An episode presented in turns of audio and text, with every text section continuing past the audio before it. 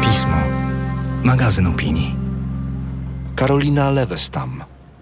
Zombie w błękitnej poświacie, czyli o dzieciach i smartfonach. Czyta Miło Gostreczek. Słuchasz tekstu opublikowanego na łamach miesięcznika Pismo, magazyn opinii. Na stronie magazynpismo.pl znajdziesz więcej inspirujących treści, także w wersji audio. Wykup prenumeraty, aby zyskać dostęp do wszystkich artykułów, ilustracji i nagrań. Materiał jest częścią cyklu Jak naprawić internet, którego mecenasem jest Facebook. Dzieci i nastolatki od kilku lat coraz rzadziej wychodzą z domów i coraz częściej wpadają w depresję. Co się stało? W społecznym krajobrazie zaszła tylko jedna radykalna zmiana. Smartfon na dobre trafił pod strzechy. Scena z codzienności wzięta. Odwożę syna i jego kolegę na dwunaste urodziny znajomego chłopca ze szkoły.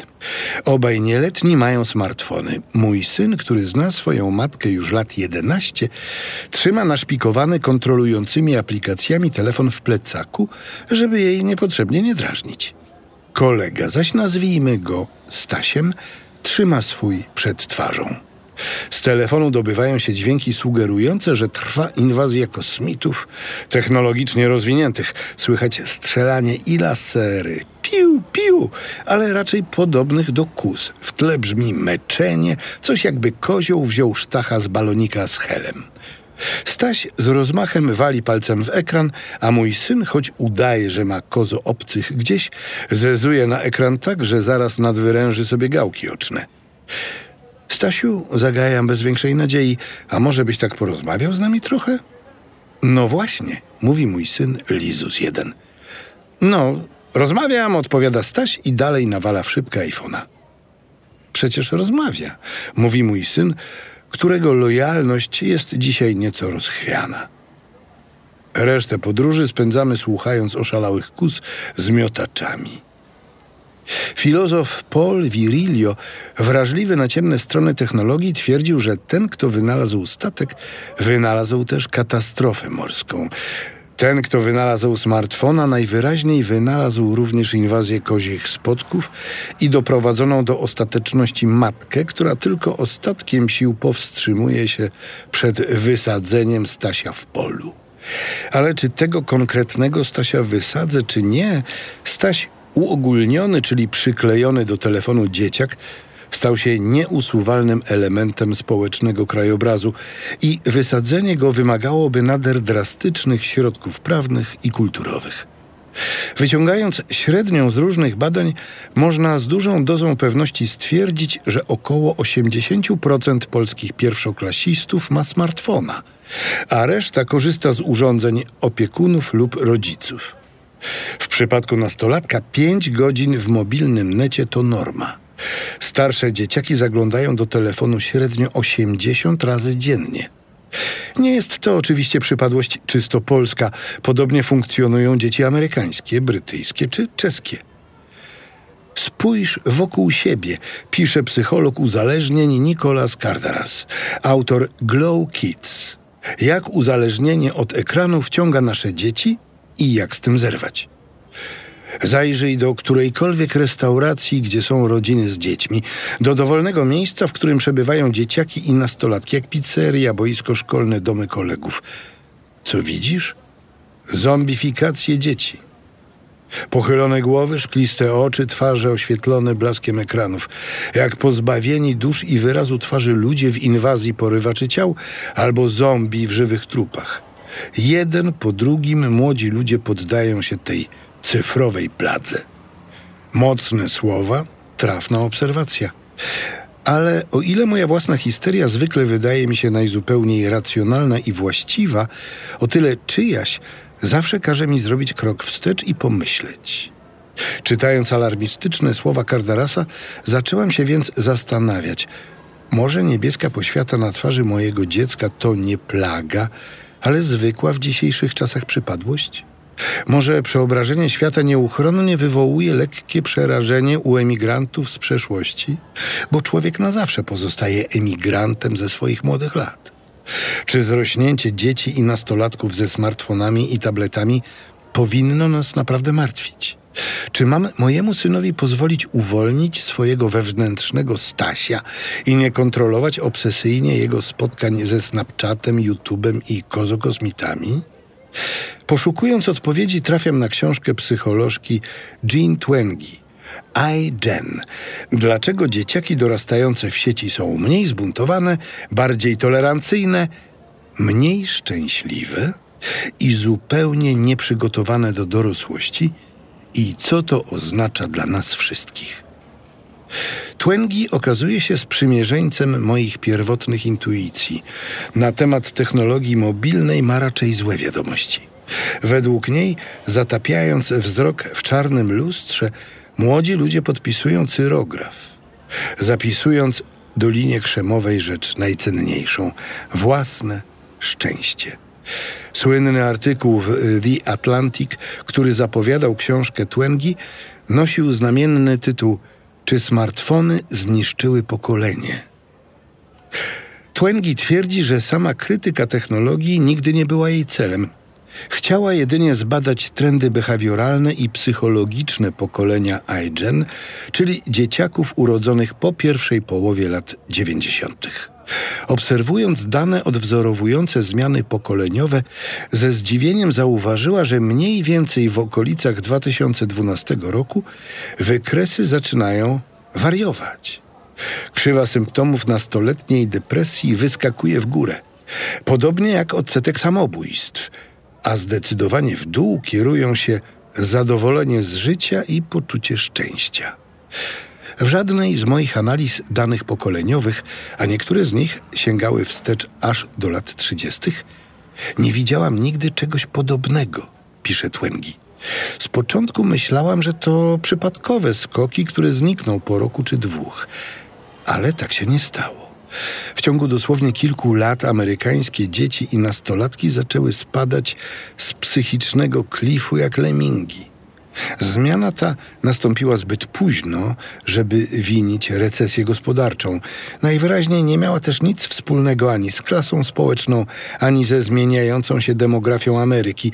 Statystyczny, biedny afroamerykański chłopak z Bronxu miał podobny przyrost myśli samobójczych, co jego statystyczna blond koleżanka wyjeżdżająca do Yale z posiadłości rodzinnej w Maine. W tym okresie w społecznym krajobrazie tych dzieciaków zaszła tylko jedna radykalna zmiana. Smartfon na dobre trafił pod strzechy. Wraz ze smartfonem i tabletem dzieci dostały do rąk gry, kiedyś dostępne głównie w wersjach stacjonarnych. YouTube'a, który zastąpił im mass media, a przede wszystkim media społecznościowe i komunikatory, które przeniosły życie społeczne z murków pod szkołą, podwórek, boisk i domówek do wirtualnego świata zamkniętego w małym prostokącie. I to właśnie ta nagła zamiana podwórza na telefon jest według Twengi przyczyną największej różnicy między iGen a innymi pokoleniami. Jaka to różnica? Nasze dzieciaki po prostu nie bardzo wiedzą, jak dorosnąć. Bo jak my, pokolenia starsze, wyrywaliśmy się ku dorosłości?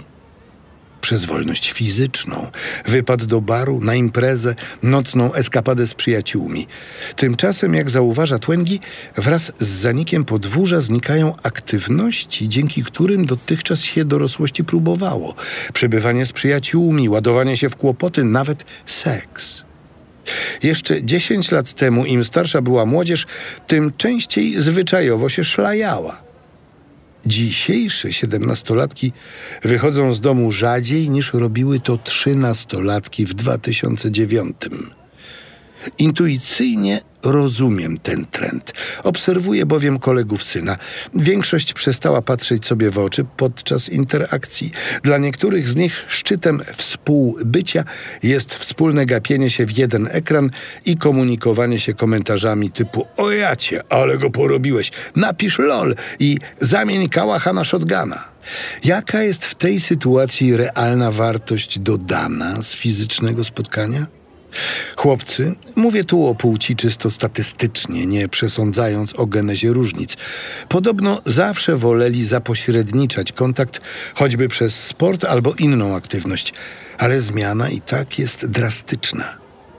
Jeśli trendy badane przez Twęgi się utrzymają, jako licealiści ci chłopcy będą mieli statystycznie mniej doświadczenia w realu niż moje pokolenie. Nie będą wracać po północy, nie będą całować się za szkołą. I mimo, że ma to swoje dobre strony, Dzieciak spędza czas w pokoju zamiast narkotyzować się grając w piłkę przy czteropasmówce, po której jeżdżą czarne wołgi pełne gwałcicieli. True story. To jednak właśnie głupie wprawki w dorosłość, mocowanie się z nieprzewidywalną rzeczywistością, zwycięstwa nad władzą rodzicielską i realne przyjaźnie zawsze najskuteczniej zapewniały dzieciakom i nastolatkom poczucie sensu życia. A skoro nastolatki pracują mniej, krócej odrabiają prace domowe, rzadziej wychodzą i mniej piją, to czym się w ogóle zajmują? Pyta Twengi. Dla pokolenia zwanego iGen odpowiedź jest prosta. Wystarczy spojrzeć na smartfony, które dzierżą w rękach. Pytanie, gdzie jest Staś, zostało zastąpione przez na czym jest Staś. A Staś może być na YouTubie, na Snapchacie, na TikToku.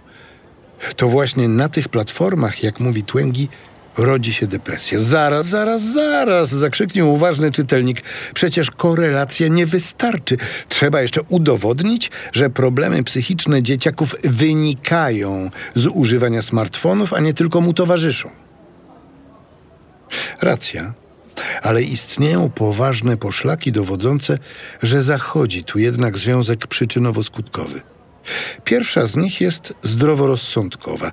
Skoro wiemy skąd inąd, a wiemy, że istnieją aktywności podnoszące nastrój i jakość życia, sport, spotkania ze znajomymi, spędzanie czasu z rodziną, kontakt z naturą, obrzędy religijne i wiemy również, że te właśnie aktywności są wypierane przez świat online, to możemy stwierdzić przynajmniej tyle, że technologia mobilna separuje dzieci od tego, co normalnie dawało im zadowolenie.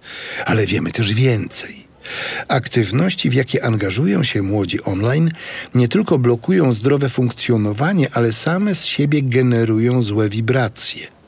Coraz więcej badań dowodzi, że korzystanie z mediów społecznościowych powoduje wyraźny spadek satysfakcji życiowej. Na przykład te Mortena Tromholta.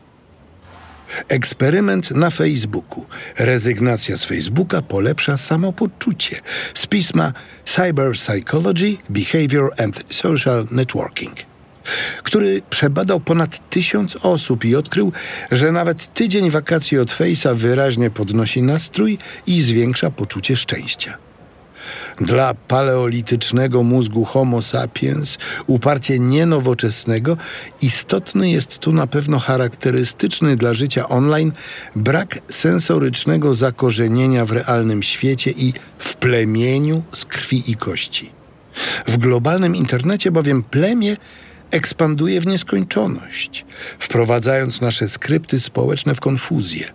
Żeby było jeszcze trudniej, Umobilniony internet nie odpuszcza nam nigdy. Nie można uciec od swoich prześladowców ze szkoły do domu, nie można nie dostać wiadomości na WhatsAppie w zaciszu własnego pokoju, nie można nie zastanawiać się, co też takiego nasza Nemezis zapostowała na Instagramie. Sytuacji, gdy wszyscy mogą rozmawiać za plecami wszystkich, o każdej porze dnia i nocy towarzyszy ciągła niepewność. Kiedyś wredne koleżanki szeptały w kącie klasy, gdzie ofiary mogły je widzieć i dzięki temu rozumieć strukturę własnego wykluczenia. Dziś bezustannie szepczą w wirtualu. Ten ciągły szum w tle odbywa się bezcieleśnie. Tłęgi pisze – jeśli nie jesteś z iGen, pomyśl o latach szkolnych. Jakie są twoje najintensywniejsze wspomnienia? Może przyjęcie po studniówce, pierwszy pocałunek? Ten dzień, kiedy wpakowaliście się w kłopoty w galerii handlowej? Najprawdopodobniej to coś, co stało się podczas nieobecności rodziców. A co będą pamiętać oni? Ten śmieszny czat z kolegą? Najlepsze selfie? Mem, który dostał dużo lajków? Korelacja między korzystaniem z mediów społecznościowych a obniżeniem nastroju jest wyraźniejsza u dziewcząt. Wynika to częściowo z faktu, że podczas gdy chłopcy Aomas konsumują więcej gier mobilnych, smartfony dziewcząt częściej służą do lajkowania, postowania zdjęć i cyberstalkingu, na przykład przeglądania profili interesujących je osób. A jednak chłopcom i tak łatwiej żyje się w świecie Snapchata i Facebooka i możemy się tylko domyślać dlaczego. Pewną hipotezę podsuwa Nancy Jo Sales, dziennikarka i autorka świetnej reporterskiej książki Amerykańskie dziewczyny, media społecznościowe i sekretne życie nastolatków. Sales przypomina o czymś, co wiedziałam, ale wyparłam, a mianowicie, że media społecznościowe, jakie znamy dziś, zostały zainspirowane stroną Hot or Not, służącą do głosowania, czy dana dziewczyna jest hot, atrakcyjna, niezła, czy nie. To właśnie ta strona podsunęła Markowi Zuckerbergowi pomysł na FaceMash, który później stał się Facebookiem. Znaczna część kultury mediów społecznościowych, pisze Sales, jest w pewnym sensie ciągłą emanacją hot or not. Jej osią są polubienia i odrzucenia ludzi oraz rzeczy, a najczęściej fizycznej atrakcyjności kobiet i dziewczynek. Z telefonem w ręku każdy dziś jest całodobowym kuratorem swojej persony w mediach społecznościowych. Ale dla dziewczynek to doświadczenie o wiele trudniejsze, bo nieuchronnie wiąże się z uprzedmiotowieniem i seksualizacją. Sales, która wyruszyła między nastolatki, żeby nauczyć się ich zwyczajów, Początkowo była wstrząśnięta faktem, że pod sweet fociami trzynastolatek pojawiały się zamieszczane tam przez ich kolegów komentarze typu dziwka albo niezła dupa. Było ich jednak tak dużo, że w końcu zaczęło jej się to wydawać najzupełniej normalne. Podobnie jak fakt, że trzynastolatka przez kilka godzin pracuje nad makijażem do zdjęcia na Instagram. Jak dowiadujemy się z książki Sales, typowa nastoletnia mieszkanka netu nie ogląda kanałów edukacyjnych na YouTubie, ale robi sobie zdjęcie z buzią w ciup i głębokim dekoltem, po czym memła telefon, czekając na powiadomienia o polubieniach. Wieczorem zaś wysyła zdjęcie niedojrzałej piersi koledze, który grozi jej, że jak nie dostanie nagiej fotki, to opowie wszystkim, że uprawiała z nim seks oralny. Od dzień jak co dzień w życiu posiadaczki smartfona. Dzień, który, jak melodramatycznie by to nie zabrzmiało, może okazać się jednym z ostatnich. Co pewien czas jakaś dziewczynka popełnia samobójstwo, bo ktoś rozpuścił po szkole jej roznegliżowane zdjęcie albo nazwał ją w necie jak Jessica Laney z Florydy, która powiesiła się w 2012 roku zajebiście brzydką kurwą.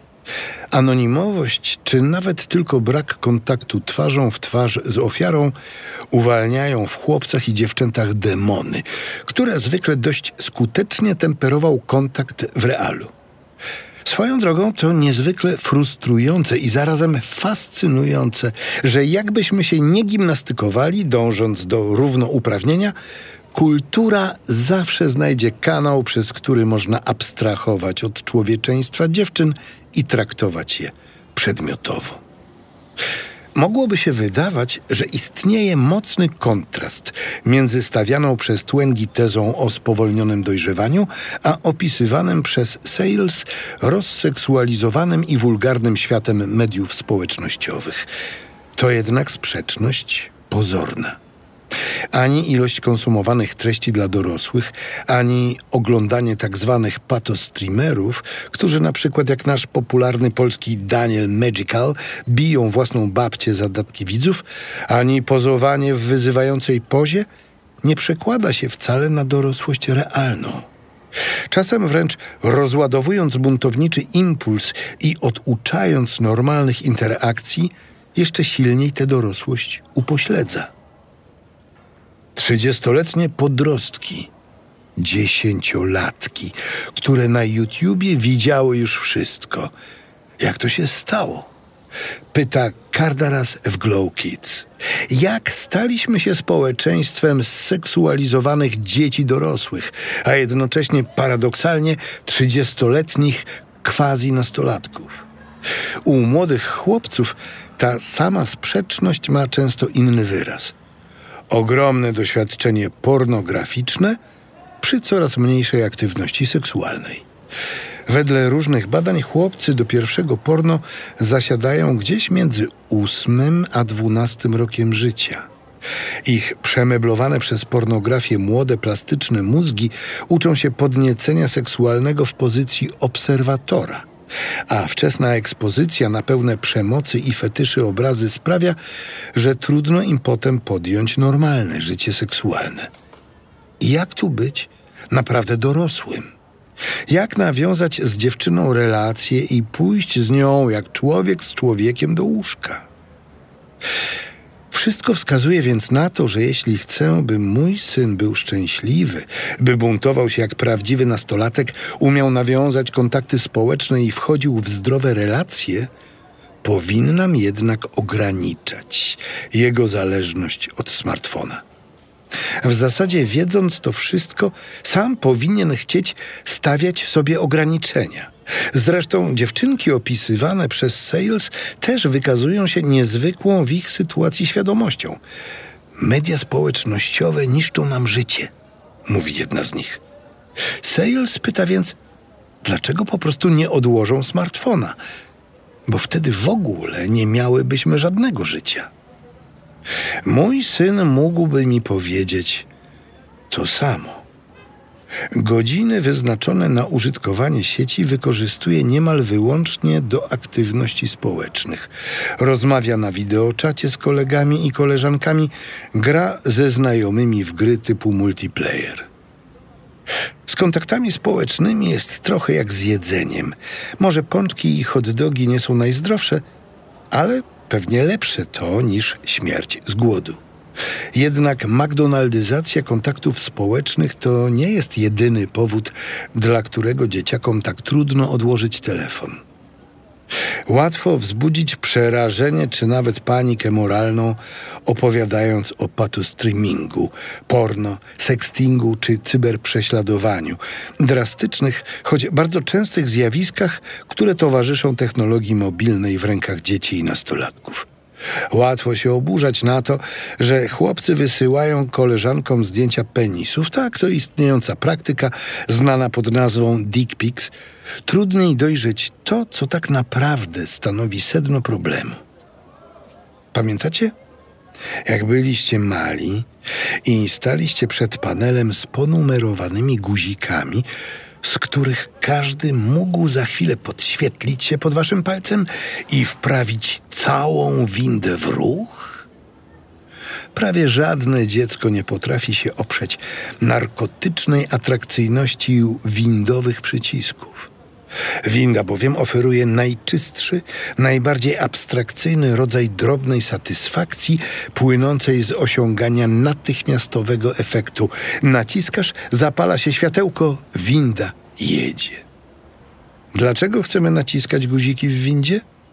Odpowiem, jak pewien znany himalaista zapytany, dlaczego wspina się na ośmiotysięczniki. Bo są. Są i te satysfakcje uporczywie oferują. A gdyby tak wymyślić windę z guzikami, których wciskanie daje taką satysfakcję, że nie sposób się przed nim powstrzymać, gdyby, krótko mówiąc, stworzyć krzyżówkę windy i folii bąbelkowej? I żeby ta folia bąbelkowa strzelała różnymi dźwiękami, dzięki czemu każde naciśnięcie stanowiłoby idealny mariaż znajomej satysfakcji i niespodzianki? Amerykański psycholog James J. Gibson ukuł niegdyś pojęcie affordances. Na polski tłumaczone koślawo jako affordancje lub dostarczanty. Określa ono obiekty, które stwarzają nam jakąś realną, uświadomioną sposobność do działania, dzięki którym możemy dokonać z otoczeniem jakiejś transakcji. W tym sensie fontanna z wodą daje sposobność do napicia się. Dróżka jest sposobnością do marszu przez las. Guzik uwalniający głowicę atomową jest afordancją rozpoczęcia III wojny światowej. Dla Himalaisty Mont Everest to afordancja wspinaczki. Dla mojego syna zaś wszelkie guziki, naciski i dźwigienki, jak te na desce rozdzielczej, są niemożliwą do pominięcia afordancją namiętnego przesuwania, dotykania, wciskania, podważania i poruszania, na który to proceder ukuliśmy ogólny termin łapowanie. Afordancje mają różną siłę przyciągania, zależną od ich indywidualnego charakteru i od naszych aktualnych potrzeb. Niektóre z nich są niemożliwe do zignorowania. Machaj ludziom przed nosem niskokosztowym działaniem o satysfakcjonującym rezultacie, a zadziałają się na śmierć. Jego efekt musi być trochę jak chipsy – Podobno ich smak ma być satysfakcjonujący, ale broń Boże, nie za bardzo. Niebiańskie chipsy je się przez chwilę i kontempluje. Chipsy nieco mniej spektakularne w smaku można wciągać godzinami. Adam Alter, profesor w szkole biznesu New York University, w książce Zniewalająca.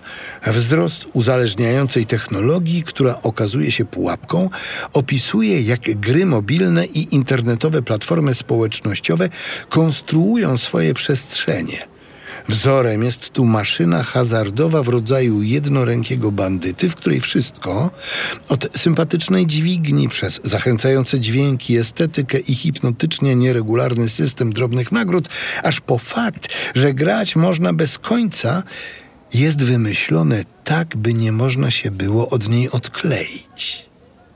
Mózg grającego co chwilę jest łechtany niewielkim wyrzutem dopaminy. To z powodu wygranej, to znów dzięki miłej melodyjce. Jednoręki bandyta to kokaina hazardu, to elektroniczna morfina, pisze Alter.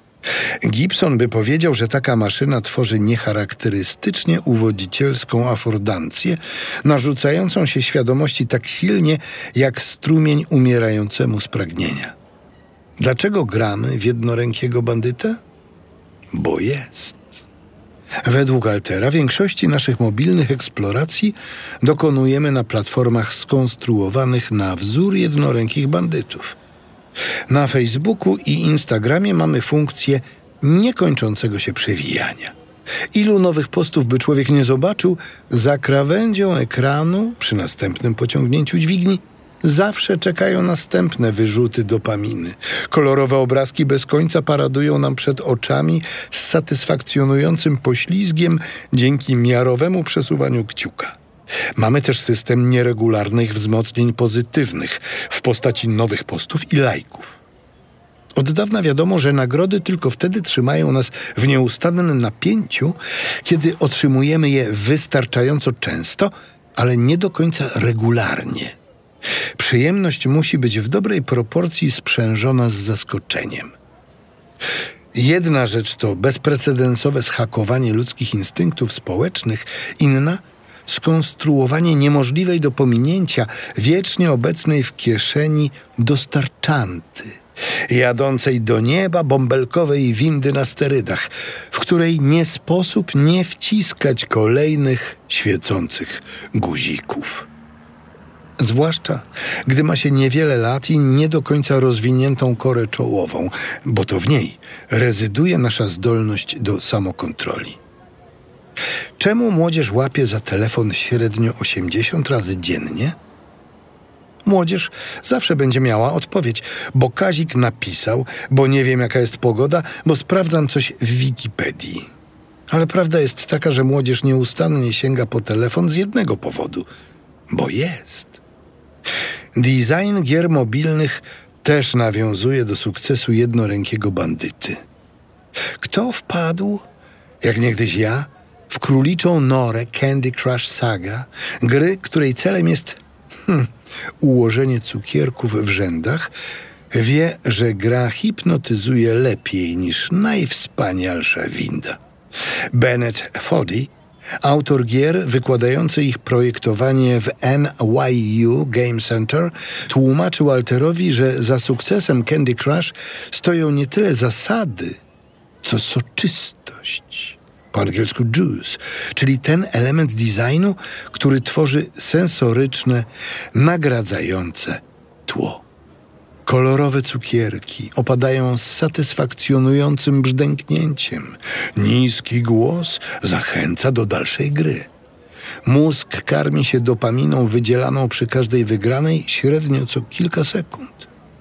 Gdyby w tym samym celu należało bez żadnych dodatkowych efektów przesuwać geometryczne kształty, pies z kulawą nogą nie ślęczałby nocami nad iPadem. Jeśli nawet Tetris, gra prosta w designie, potrafiła nas trzymać godzinami przy ekranie samym drażnieniem potrzeby układania części w całość, nic dziwnego, że przez Candy Crush pół świata zarywało noce. Ale jak powiedział Tristan Harris, wywodzący się z Google etyk designu, który wsławił się krytyką Big Techu, to nie do końca twoja wina, że nie możesz odłożyć telefonu. Po prostu po drugiej stronie ekranu są tysiące ludzi, których pracą jest łamanie twojej siły woli. Jakby na to nie patrzeć, jesteśmy wciąż tylko zwierzętami, które reagują na bodźce. Jeśli ktoś dzięki analizom big data potrafi przewidzieć nasze reakcje i ma ku temu biznesową motywację, nie mamy wyjścia, będziemy grać. Dziecko z paleolitu i tablet z przyszłości. Kto wygra takie starcie? Znów alter. Ludzie, którzy tworzą i udoskonalają technologie, gry i platformy interaktywne, są bardzo dobrzy w tym, czym się zajmują. Robią tysiące testów z milionami użytkowników, z różnymi kolorami tła, czcionkami, dźwiękami, aby zmaksymalizować zaangażowanie i zminimalizować frustrację. Ich oferta ewoluuje w coś, od czego nie można się powstrzymać i przed czym nie sposób uciec. W 2004 roku Facebook był fajny. W 2016 jest jak narkotyk. Kiedy wypytuję grupę znajomych mojego syna o Brawl Stars, aktualnie popularną wśród małolatów grę mobilną, nie potrafią mi do końca wyjaśnić, o co chodzi. Mówią, że są tam jakieś skrzynki, które się rozwala i z których wypadają power cubesy, dzięki którym ma się jakieś godne pożądania benefity. Opowiadają o skinach postaci, ale ich narracja jest charakterystyczna dla ryb, które muszą opowiadać znajomym wróblom o życiu pod wodą.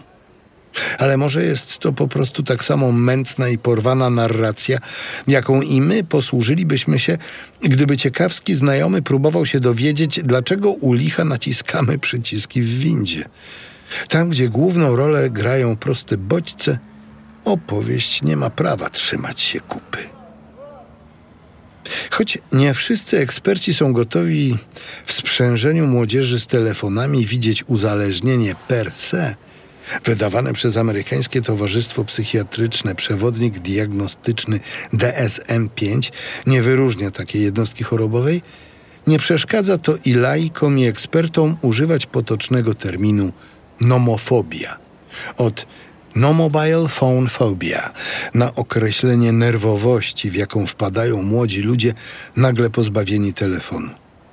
Kieszonkowy jednoręki bandyta stanowi bowiem, tak w swoim wydaniu społecznościowym, jak i gamingowym, maszynę rozregulowującą nasz mózgowy system nagrody przez ciągłe fundowanie nam małych zastrzyków dopaminy. Kardaras w Glow Kids powołuje się na opinie różnych ludzi znających się na rzeczy. Pozwoliliśmy temu wirtualnemu narkotykowi przez doktora Petera Wybrowa, szefa neuronauki na USLA, nazywanemu elektroniczną kokainą, przez doktora Andrew Dona, który ma dyplom lekarza, doktorat z neuronauki i zajmuje się badaniami nad uzależnieniami dla marynarki wojennej USA, cyfrową farmakeją od greckiego słowa oznaczającego lek, narkotyk, a przez chińskich badaczy elektroniczną heroiną, wślizgnąć się do domów i szkół, gdzie rezydują najmłodsi i najbardziej podatni, całkowicie ślepi na wszystkie negatywne konsekwencje. Obrońcy smartfonów w rękach dzieci często przywołują ich fantastyczne zastosowania. Oto dziecko ma cały świat wiedzy na wyciągnięcie ręki. Może rozwijać pasję. Można do niego zawsze zadzwonić. Może pozostawać w kontakcie ze znajomymi i rodziną. To prawda. Ale medium is always the message. Wyobraźcie sobie, chociaż brzmi to dziwacznie, że wieści o narodzinach i fotki z wakacji oglądacie przez windę, na przykład przy okazji naciskania przycisków. Ich treść byłaby nierozerwalnie związana z bodźcową strukturą tego medium.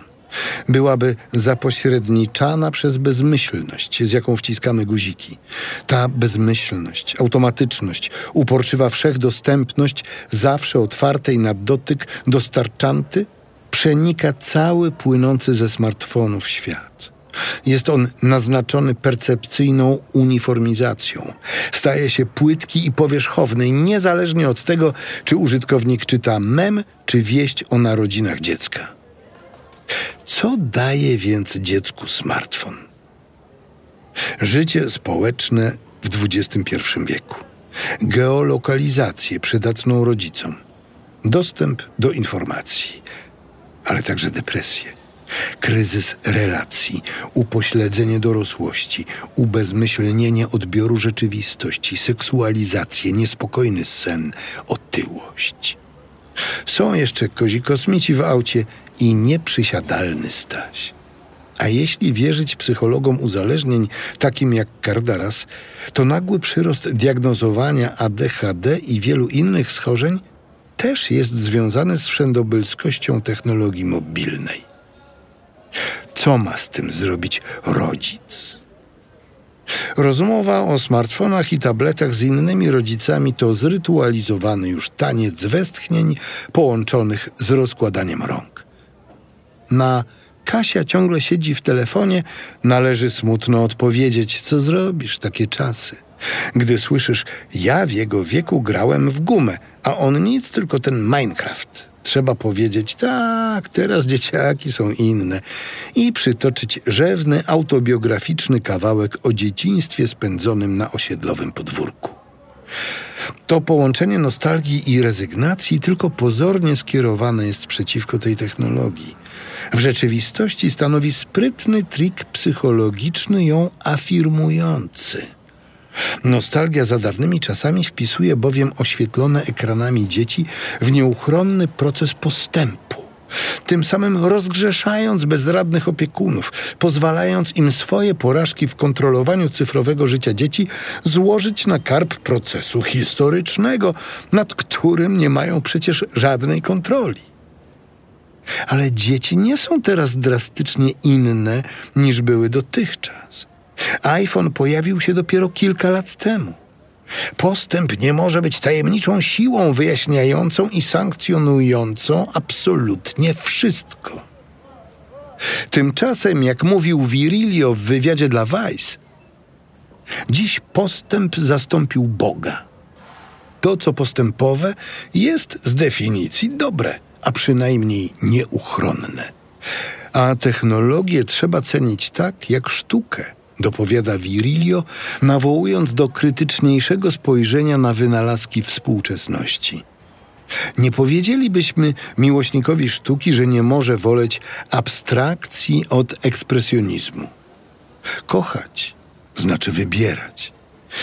Tymczasem dziś miłość do wszelkiej nowej technologii stała się obowiązkiem. Postęp ma wszystkie defekty totalitaryzmu. Mimo protestów Virilia argument ad Gutenbergum, czyli taki, w którym wyśmiewa się lęk przed postępem, przypominając nieuzasadniony strach towarzyszący rozmaitym ważnym wynalazkom w historii ludzkości, ma się dobrze.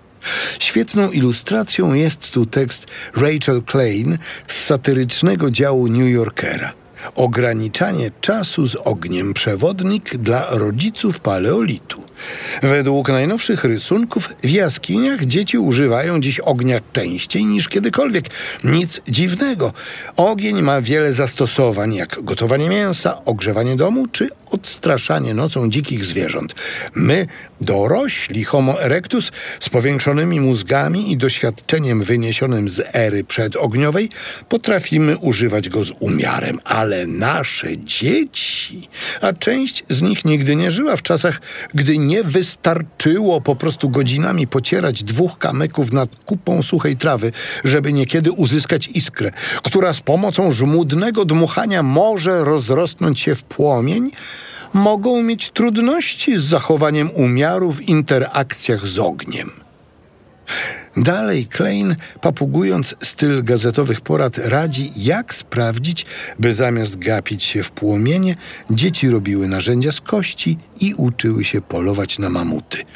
Ustal konkretne godziny, w których dziecko może patrzeć w ogień i przestrzegaj ich. Czy bowiem wielokrotnie w historii nie mieliśmy już podobnych luddystycznych i nieuzasadnionych obaw, że oto jakiś wynalazek zdemoralizuje młodzież i zbruka nasze dusze? Czy druk też nie był początkowo obwołany narzędziem antychrysta? Podczas gdy teraz błagamy nasze dzieci, żeby zajrzały do Harry'ego Pottera? Ponieważ, jak się argumentuje, wiele z tych obaw okazało się płonnych, możemy założyć, że i strach przed zrośnięciem się dziecięcia ze smartfonem będzie za jakiś czas równie śmieszny, co lęki paleolitycznych rodziców. Chociaż sam tekst Klein mnie śmieszy, to nic nie denerwuje mnie bardziej niż takie gadanie. Historia, owszem, lubi się powtarzać, ale wtedy, kiedy chce – Nigdy nie wiemy, czy to się właśnie dzieje. Może i jest prawdą, że druk bezpodstawnie wlał lęki w serca ówczesnych konserwatystów, ale nie musi to przecież oznaczać, że i my boimy się bez sensu. Twierdzić, że każde jutro będzie takie jak wczoraj, to działać mniej więcej tak jak ten gospodarz, co odzwyczajał konia od jedzenia. Byłby go odzwyczaił, bo pięć dni koń nie jadł. Tyle, że szóstego dnia zwierzę zdechło. W końcu nadejdą takie rzeczy, które uczynią nasze życie gorszym. I wszystko wskazuje na to, że smartfon należy do tej kategorii. Co więcej, akceptacja dla każdej technologii, a konto rzekomego postępu pozbawia nas pozycji kowali własnego losu. Gdybyśmy w porę zaplanowali całą tę sprawę z samochodami, zamiast na wpół ślepo akceptować ich organiczną ekspansję, może mielibyśmy teraz lepsze miasta, mniej otyłych obywateli i stary, dobry klimat. Komu on przeszkadzał? Jessie Weinberger, specjalistka od bezpieczeństwa w sieci, każe rodzicom wziąć się w garść i przestać szukać usprawiedliwień. W książce Licho istnieje i siedzi w kieszeni twojego dziecka pisze. Jeśli się zastanawiasz, czy twoje dziecko jest gotowe na smartfona, to zadajesz niewłaściwe pytanie. Dobre pytanie brzmi, czy ty, jako rodzic, jesteś gotowy, żeby miało takie urządzenie? Gotowość Twojego dziecka zależy całkowicie od Twojej chęci zostania cyfrowym policjantem. Weinberg przedstawia cały wachlarz rad, jak monitorować życie smartfonów przez nieletnich. Na przykład sprawdzaj telefon co tydzień, ale nigdy w tym samym czasie. Takie podejście ma dwa cele. Pierwszy, uczysz dziecko, że jesteś nieprzewidywalny. Drugi, masz większą szansę zauważyć problem, zanim się skomplikuje. Dla tych rodziców, którzy w kwestii telefonu wyznają z uwagi na poszanowanie wolności dziecka filozofię laissez-faire, Weinberg ma jeden przekaz: jesteście głupcami i narażacie swoje niedojrzałe dzieci na niebezpieczeństwa i uzależnienie. Żaden, nawet najmądrzejszy dzieciak nie jest na tyle mądry, by nie zrobić w sieci czegoś głupiego albo nie zostać ofiarą cyberprześladowania. A rodzice, którzy stronią od ingerowania w telefon, bo szanują dziecięcą własność? Myślę, że Weinberger zgodziłaby się z pewnym ojcem z forum Reddit Parenting, który twierdził, że jego dziecko nie dostaje telefonu przedmiotu, ale przywilej użytkowania go. Sam telefon powinien należeć do rodzica po to, by ten mógł ograniczać czas ekranowy i ingerować w smartfonową aktywność dziecka. Nie ma więc wyjścia. Pójdę drogą twórców całego tego pandemonium, Steve'a Jobsa i Billa Gatesa. Jobs w swej dwulicowej podłości nie pozwalał własnym dzieciom używać iPada. Gates dał swoim telefony dopiero gdy pokończyły 14 lat. Jak donosił kiedyś New York Times, nianie w Dolinie Krzemowej często mają zakaz używania telefonów przy dzieciach, a potomstwo technorodziców masowo chodzi do wolnych od technologii szkół waldorfskich czy montessoriańskich. Najwyraźniej ten, kto dobrze rozumie potencjał technologii mobilnej, chętnie zarzuci nią ludzkość, ale własne dzieci będzie chronił. W drodze na urodziny Staś tylko dwukrotnie przerwał męczącą walkę z kosmitami. Pierwszy raz, gdy zadzwoniła jego mama, która nie była pewna, czy już dojechaliśmy, bo przestała jej działać funkcja Find My iPhone. Drugi raz, gdy koledzy, którzy już dotarli, wysłali wiadomość z pytaniami, dlaczego Stasia i mojego syna wciąż nie ma.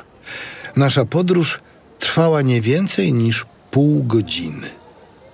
I nawet przez te pół godziny Staś nie mógł się nigdzie ukryć.